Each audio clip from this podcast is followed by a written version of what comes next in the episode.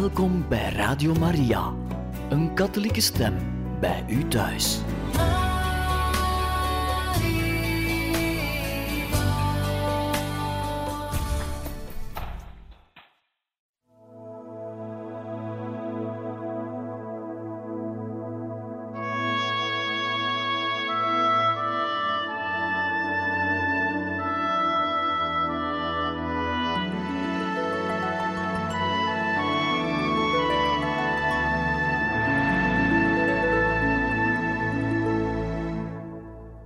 We lezen de geestelijke brief uit de abdij Saint-Joseph de Clairval in Flavigny-sur-Ozerin uit Frankrijk, aangaande Saint-Just de Bretonnière. Dierbare vriend van de abdij Saint-Joseph de Clairval. De kennis van liefde tot God verruimen het hart van de mens en kunnen hem zelfs zo ver brengen dat hij met vreugde zijn leven geeft voor het heil van zijn broeders zoals wordt aangetoond met het voorbeeld van de heilige Just de Bretonnière. Eerste hoofdstuk. Ik zie de Chinezen. Just de Bretonnière wordt op 28 februari 1838, ik herlees, 28 februari 1838 geboren, te Chalon-sur-Saône in Bourgondië, ten huize van zijn grootouders van moederskant. Enkele maanden later keren zijn ouders terug op het kasteel van Bretonnière, eigendom van de familie dicht bij Dijon, waar ze in de zomer wonen terwijl de winter wordt doorgebracht in Dijon zelf. Bezorgd om de toekomst van haar zoon geeft mevrouw de Bretonnière hem in handen van de Heilige Maagd. Koningin der Engelen, gedenk dat u de moeder zijt van dit kind. Ik wijd hem voor altijd aan u toe. Op zesjarige leeftijd speelt Just met zijn broer Christian, die twee jaar jonger is, in het park van het kasteel van Bretonnière. Ze graven in de grond met hun schelpjes. Met hun schepjes. Zwijg, zegt Just plotseling tegen zijn broer. Hij buigt zich over het gat dat hij zojuist heeft gemaakt, komt overeind en schreeuwt: Ik zie de Chinezen, oh, ik hoor ze, ze roepen me. Ik moet ze gaan redden. Dit voorval staat diep in Justs geheugen gegrift en zal nimmer worden uitgewist. Een paar jaren later zal hij op de opmerking van zijn broer: Het kasteel zal op een dag van jou zijn, want jij bent de oudste, antwoorden: Wel nee, het zal nooit van mij zijn. Het zal voor jou zijn, want ik word priester. Het grootste geluk voor Just is misdienaar zijn of het allerheiligste sacrament bewieroken. Hij wedijvert met zijn broer om wie het in de meimaand, de maand van Maria, het mooist mogelijke doet. Binnen het gezin, de Bretonnière, is hetgeen de kinderen nodig hebben ruimschoots aanwezig, maar voor luxe en gemakzucht is daar geen plaats. In oktober 1851 worden de twee jongens in handen gegeven van een 28-jarige huisonderwijzer, de eerwaarde Gautrelet. En deze heeft al opgemerkt dat Just de neiging heeft te oordelen op basis van een tamelijk ver doorgedreven logica, die het hem onmogelijk maakt gematigde opvattingen toe te laten. Wanneer het gaat om de oefening van deugdzaamheid, mag er naar zijn gevoel geen plaats zijn voor onvolmaaktheid en ook niet voor gradaties. Just heeft een alleraardigste karakter en is bijna altijd vriendelijk gestemd. Hij speelt graag, maar eerder om iemand een genoegen te doen dan uit persoonlijke voorkeur. En toch beklaagt Just zich op zekere avond omdat een kaartspel waar hij veel van houdt niet heeft kunnen plaatsvinden. Om hem, om hem te straffen om zijn ongeduldigheid wordt er de daaropvolgende dagen niet gespeeld. Nerveus en gevoelig als hij is, vertoont Just van jongs af een bovenmatige vrees voor pijn. Maar het verlangen missionaris te worden stimuleert hem om blijmoedige vermoeienis, hitte, dorst te verdragen, zich eraan te wennen, lasten te dragen en zich met weinig tevreden te stellen tijdens de trektochten door de bergen in de vakanties. In 1800 56 doet hij zijn middelbare schoolexamen in Lyon En hij begint dan aan een studie letteren, want zijn ouders vinden hem nog te jong, om zijn roeping in praktijk te brengen. Bij zijn voornemen om zich aan God te geven, denkt hij aan de Dominicanen die missies hebben in het Verre Oosten. Tot het kloosterleven voelt hij zich eveneens aangetrokken. Maar uiteindelijk gaat hij op aanraden van zijn biechtvader en van zijn ouders naar het seminarie van Issy, dat is Parijs. Daar wordt de roep van God in de richting van de missie bevestigd. We spraken op een dag over het Allerheiligste Sacrament, zal een van zijn medeleerlingen later zeggen, en we constateerden mismoedig welk een geringe plaats de gedachtenis van deze weldaad innam in het leven van de christenen. De geconsacreerde hostie aanzien, aanschouwen, zij juist. De goddelijke roepstem horen die je uitnodigt de zielen in verre landen te veroveren en je vervolgens terugtrekken, is dat mogelijk? De jong seminarist brengt twee jaar in Issy door. Men vertrouwt hem de functies van organist en verpleger toe. Met zijn opgewektheid wint hij de sympathie van al zijn medeseminaristen. Van tijd tot tijd brengt hij een bezoek aan zijn ouders, die ook in Parijs een appartement hebben. In mei 1861 besluit hij naar het seminarie van de Mission étrangère de Paris te gaan. Meneer en mevrouw de Bretonnière aanvaarden het, maar niet zonder smart.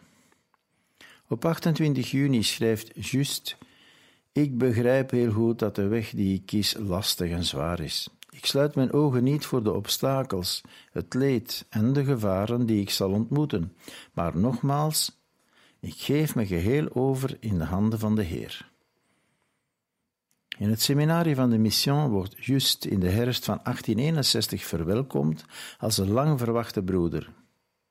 Gisteravond bij het verlaten van de refter, schrijft hij, hebben alle mij omhelst. Onze lieve Heer verspreidt hier een buitengewone naastenliefde. We zijn meer dan broeders. We vormen één geheel, één enkel hart, één enkele ziel. Het jaar begint met een retraite op basis van de oefeningen van de heilige Ignatius.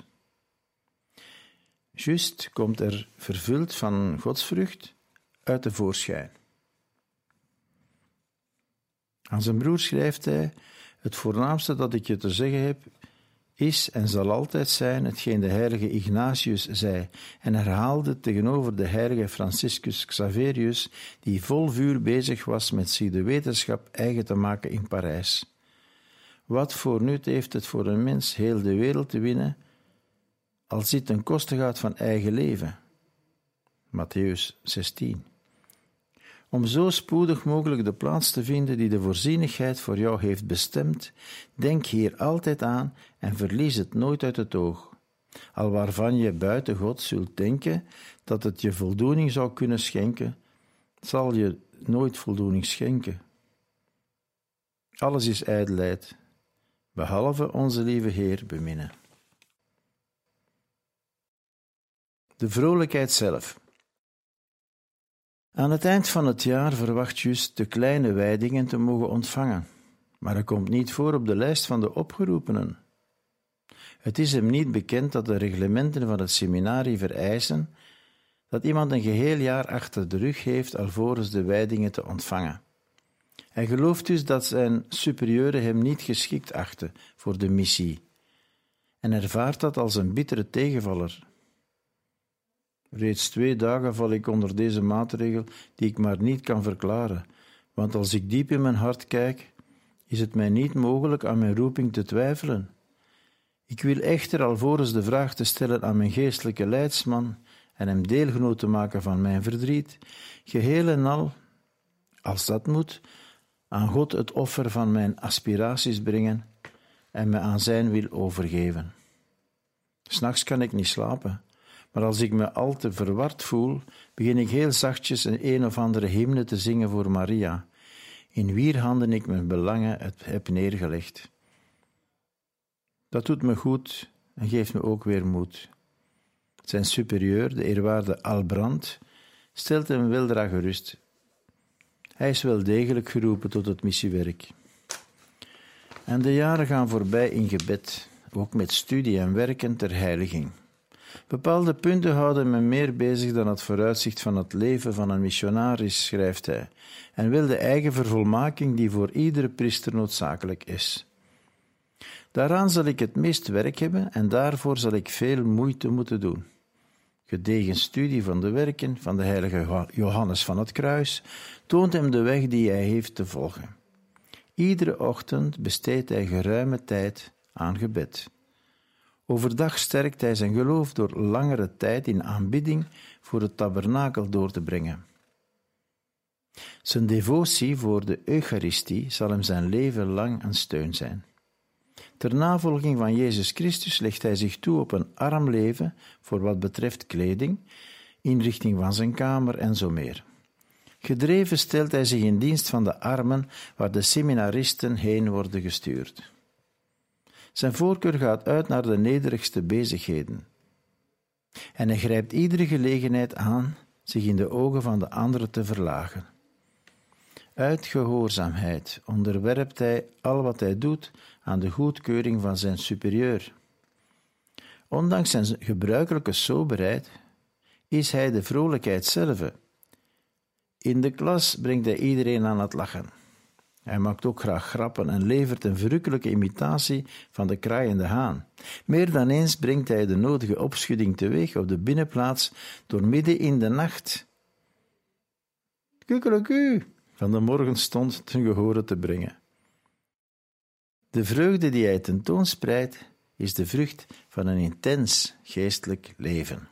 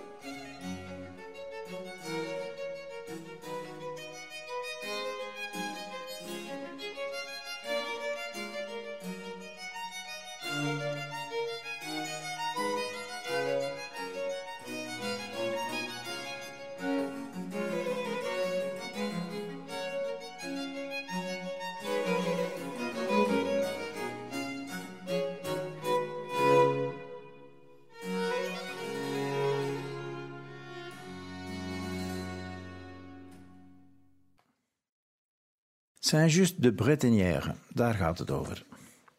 Hij weet zich bemind. Voor de christen, evenals voor Jezus, schrijft Paus Paulus VI, gaat het om het beleven in dankgebed aan de Vader van de menselijke vreugden die de Schepper hem geeft.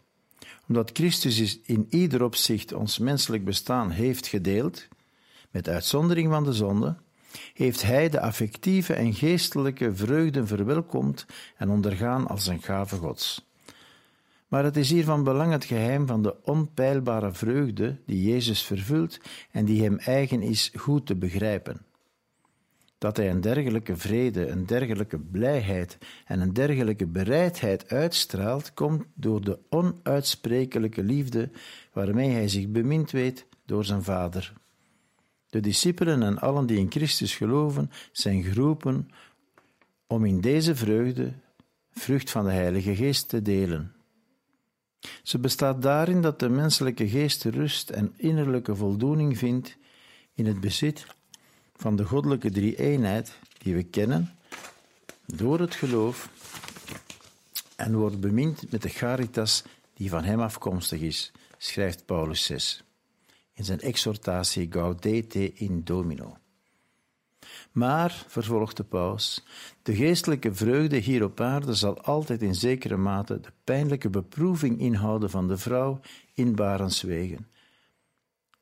En een schijnbare verlatenheid die lijkt op die van het ouderloze kind, getreur en geweeklaag, terwijl de wereld te koop loopt met de voldoening die ze schept in de verkeerde dingen. Maar de droefenis van de discipelen die naar God is en niet naar de wereld, zal weldra in vreugde verkeren, een vreugde die niemand hun zal kunnen ontnemen. Conferator Johannes 16. Een enkele keer gaat juist door een periode van droefheid. Komt voor dat hij verslagen is bij de gedachte aan de deugden die voor een missionaris noodzakelijk zijn en het leed dat zijn voorgangers te verduren hebben gehad. Op een dag houdt hij het niet meer uit en gaat naar de overste. Ik kan hier niet langer blijven. Mijn geweten verplicht mij terug te keren naar mijn familie, verklaart hij bedroefd. De eerwaarde Albrand hoort hem glimlachend aan. Is dat alles wat je mij wilde zeggen? Ja, eerwaarde. Welnu, ga terug naar je kamer en denk er niet meer aan. En terstond is de bekoring vervlogen. 21 mei 1864 wordt Just priester gewijd. Bid voor mij dat ik de genade van het martelaarschap mag ontvangen, schrijft hij aan een vriend. Het wachten is nog alleen op de opdracht naar de missie te vertrekken. De aspirant-missionarissen verkeren tot het laatste moment in de ongewisse, of in het ongewisse, voor wat betreft de plek van hun bestemming. Ze moeten bereid zijn uit Gods hand een missie te aanvaarden waar ze heen worden gestuurd, ongeacht waar dat is. Daar hij zichzelf volledig aan God heeft geofferd, is het juist geheel om het even waar hij terechtkomt. Op maandag 13 juni roept zijn superieur en bij zich: Voor welke missie heb jij een voorkeur? Ik heb geen voorkeur. Welnu, ik stuur je naar Tibet. Vind je dat fijn? Heel fijn, eerwaarde. Nee, je gaat naar Tonkin, zoals u wenst. Het kan je dus niet schelen? Nee, eerwaarde. Laten we nu even serieus spreken. Je gaat naar Korea. Ogenblikkelijk schrijft Just aan zijn oude huisleraar: Ik geloof dat onze lieve Heer het beste voor mij heeft uitgezocht. Leven Korea, land van martelaren. Het bloed van christenen heeft de laatste honderd jaar inderdaad overvloedig gestroomd over de Koreaanse aarde. Op dinsdag 19 juli 1864 schepen Just en negen confraters in Marseille in naar het Verre Oosten. Ze slagen erin clandestine Korea binnen te komen op 29 mei 1865. Just woont in de hoofdstad Seoul, niet ver van zijn bisschop, Monseigneur Berneux. Nu ben ik dus burger van Seoul, de stad der lusten. Maar laat u zich niet verblinden door deze prachtige naam. U moet zich eerder een onmetelijk grote agglomeratie van aardenhutten voorstellen, die tegen elkaar aan staan geperst, zodat er bij wijze van straten slechts smalle doorgangen overblijven, waarin twee personen nauwelijks naast elkaar kunnen lopen. Die stegen die dienen tegelijkertijd als riolen. Ik geef u te raden waarin wij genoodzaakt zijn te lopen. Onder zijn hoed. Hij wordt ondergebracht bij christenen in een zeer armzalige kamer. Als stoel, de aarde. Als tafel, de aarde. Als bed, een eenvoudige plank onder het hoofd. Als hij buiten gaat, uitsluitend s'nachts vanwege de vervolging, trekt hij zijn rouwkostuum aan, met een hoed in de vorm van een duiventil, waarin je zo ver zit ingepakt dat hij tot je ellebogen reikt, uitstekend om daar niemand te worden gezien, door niemand te worden gezien en zelfs niets te zien. Op die manier kun je je stil gebed doen onder je hoed. Zijn dagen zijn gevuld met gebed en studie van de Koreaanse taal. Na zes maanden en dankzij de hulp van een jong christen is de missionaris in staat om zich voldoende verstaanbaar te maken in het Koreaans, om te preken en biecht te horen. De catechisten komen van ver, 150 kilometer en meer, om zich te laten dopen of de heilige communie te ontvangen. Ik heb, zo schrijft Just, 70-jarige vrouwen van 240 kilometer ver zien komen om de communie te ontvangen. Arme zielen die de priester maar één keer per jaar zien en die zo zijn zeer dorsten naar het woord van God. En dan te weten dat in Europa de gelovigen deze rijkdommen in overvloed bezitten. Overvloedig en ze er niet altijd van profiteren zoals ze dat zouden moeten doen. Just is blij als hij onder de naam van Erwaarde Paik eindelijk zijn confraters kan gaan helpen. In de laatste maanden van 1865 wordt hij bicht, verzorgt hij de voorbereiding op de doop en dient de doopsel toe aan minstens veertig volwassenen, zegent verscheidene huwelijken in, dient een enkele keer het vormsel toe en vaak ook het heilig oliesel toe. Er lijken veel bekeringen op komst te zijn. Maar dan keert het getij. Na een periode van rust wordt de vervolging van de Europeanen en de christenen krachtdadig hervat. Het verraad van een huisbediende van de bisschop heeft de arrestatie van verscheidene priesters tot gevolg. Monseigneur Berneu wordt in hechtenis genomen op 23 februari 1866. En de 26e, s'morgens vallen soldaten de kamer van Just binnen op het moment dat hij zich gereed maakt om de mis te vieren en nemen hem mee, vastgebonden aan een rode koord, onderscheidend teken van grote misdadigers.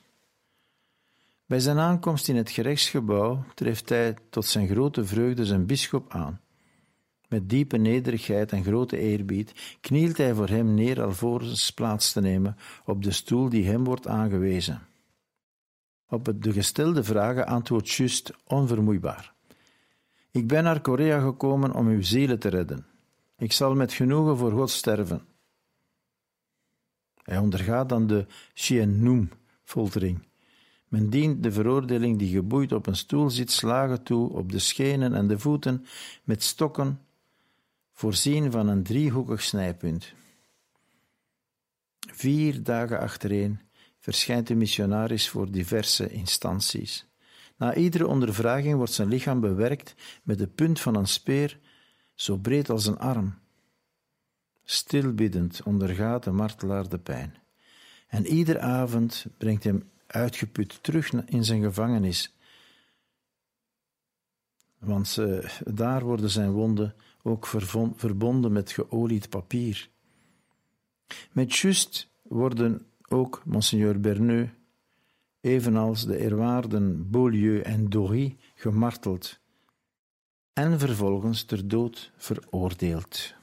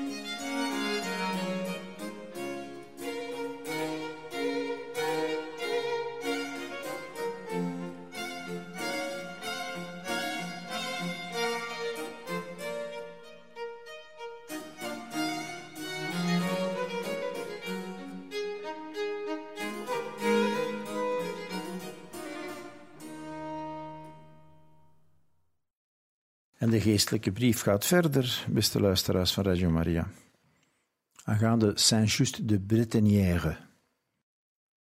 In een brief van de abdij van Saint-Joseph de Clairval. Opspringen van vreugde. Hun liefde voor de zielen heeft hen ertoe geleid dat ze zichzelf volledig wegschonken.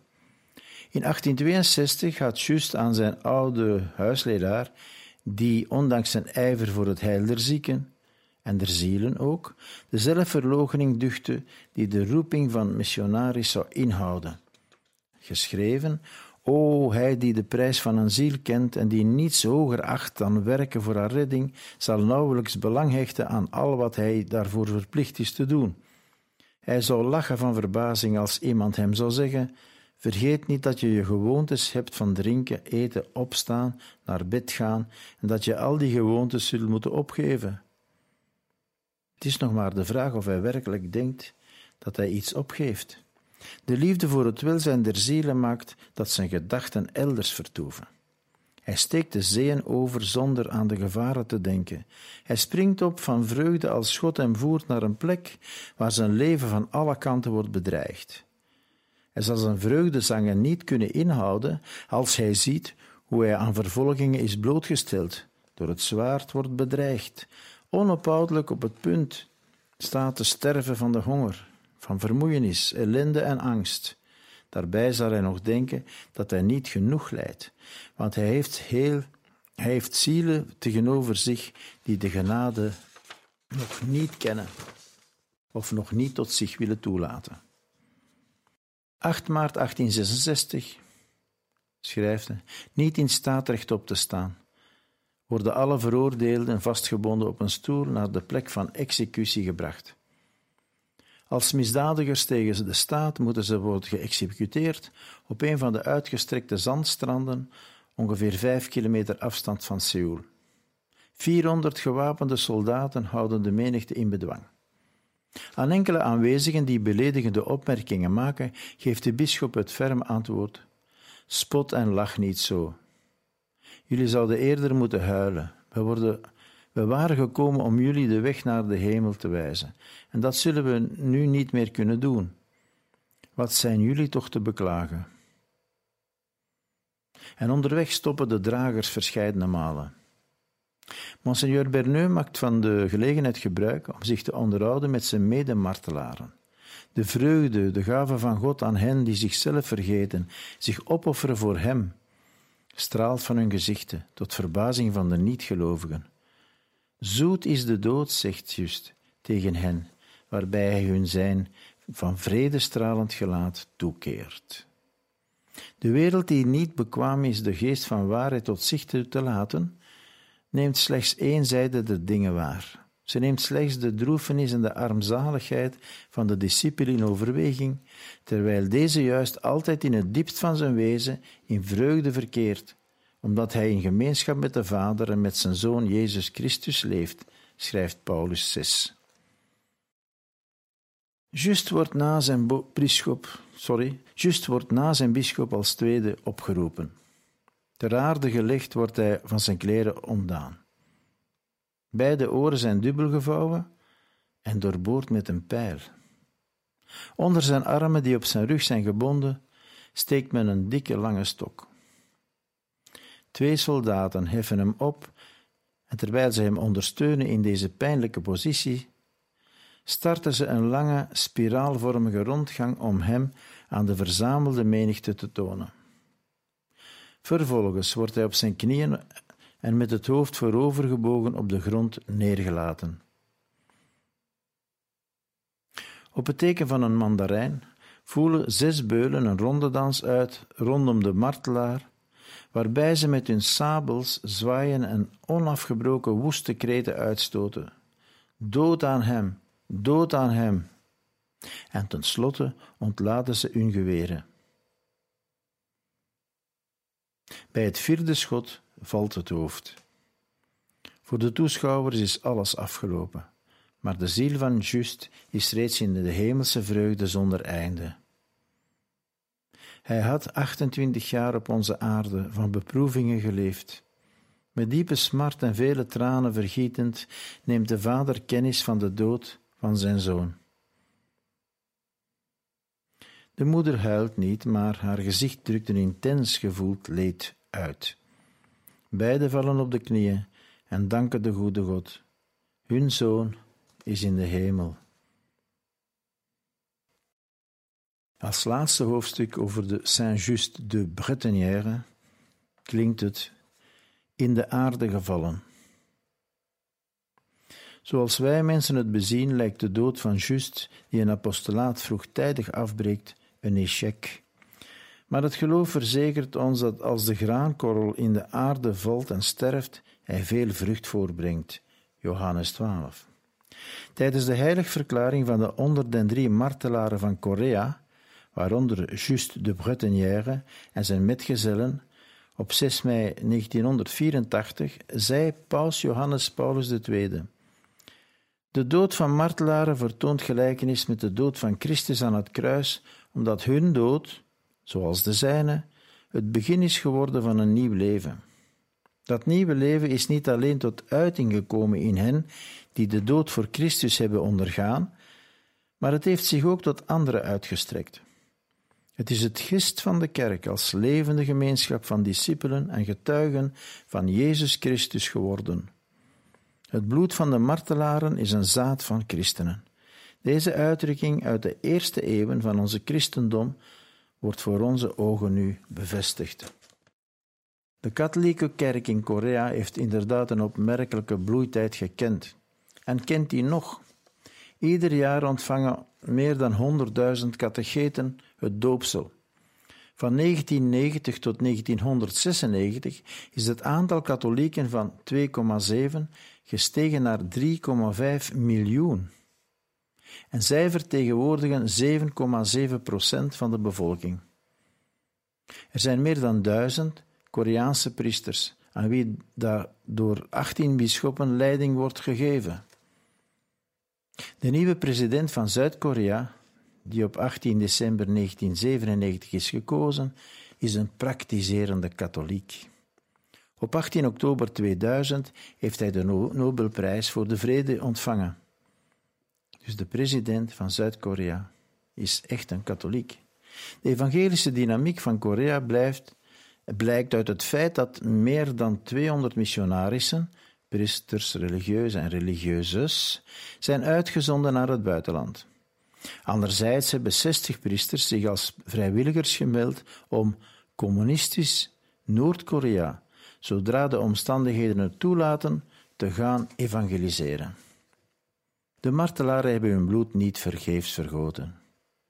Zij zijn de vreugde ingegaan van Maria, die aan de voet van het kruis aan het lijden en de dood van haar zoon en verlosser heeft deelgenomen. De koningin der martelaren verheugt zich met ons, zegt Johannes Paulus II. Na Maria, schrijft Paulus VI, treffen wij de zuiverste en innigste vreugde aan, daar waar het kruis van Jezus wordt omhelst met de grootste trouw en liefde. Bij de martelaren, die door de Heilige Geest midden in de beproeving worden geïnspireerd, hartstochtelijk de komst van de bruidegom af te wachten. Laten we aan de heilige Just de Bretonnière vragen dat hij voor ons de vreugde verkrijgt die de Heilige Geest schenkt, zelfs midden in de smartelijkste beproevingen des levens. Wij bidden voor al uw intenties. Dom Antoine Marie. Tot daar deze brief, geestelijke brief uit de abdij Saint-Joseph de Clairval, aangaande Saint-Just de Bretonnière. Beste luisteraars van Radio Maria, hartelijk dank voor het luisteren.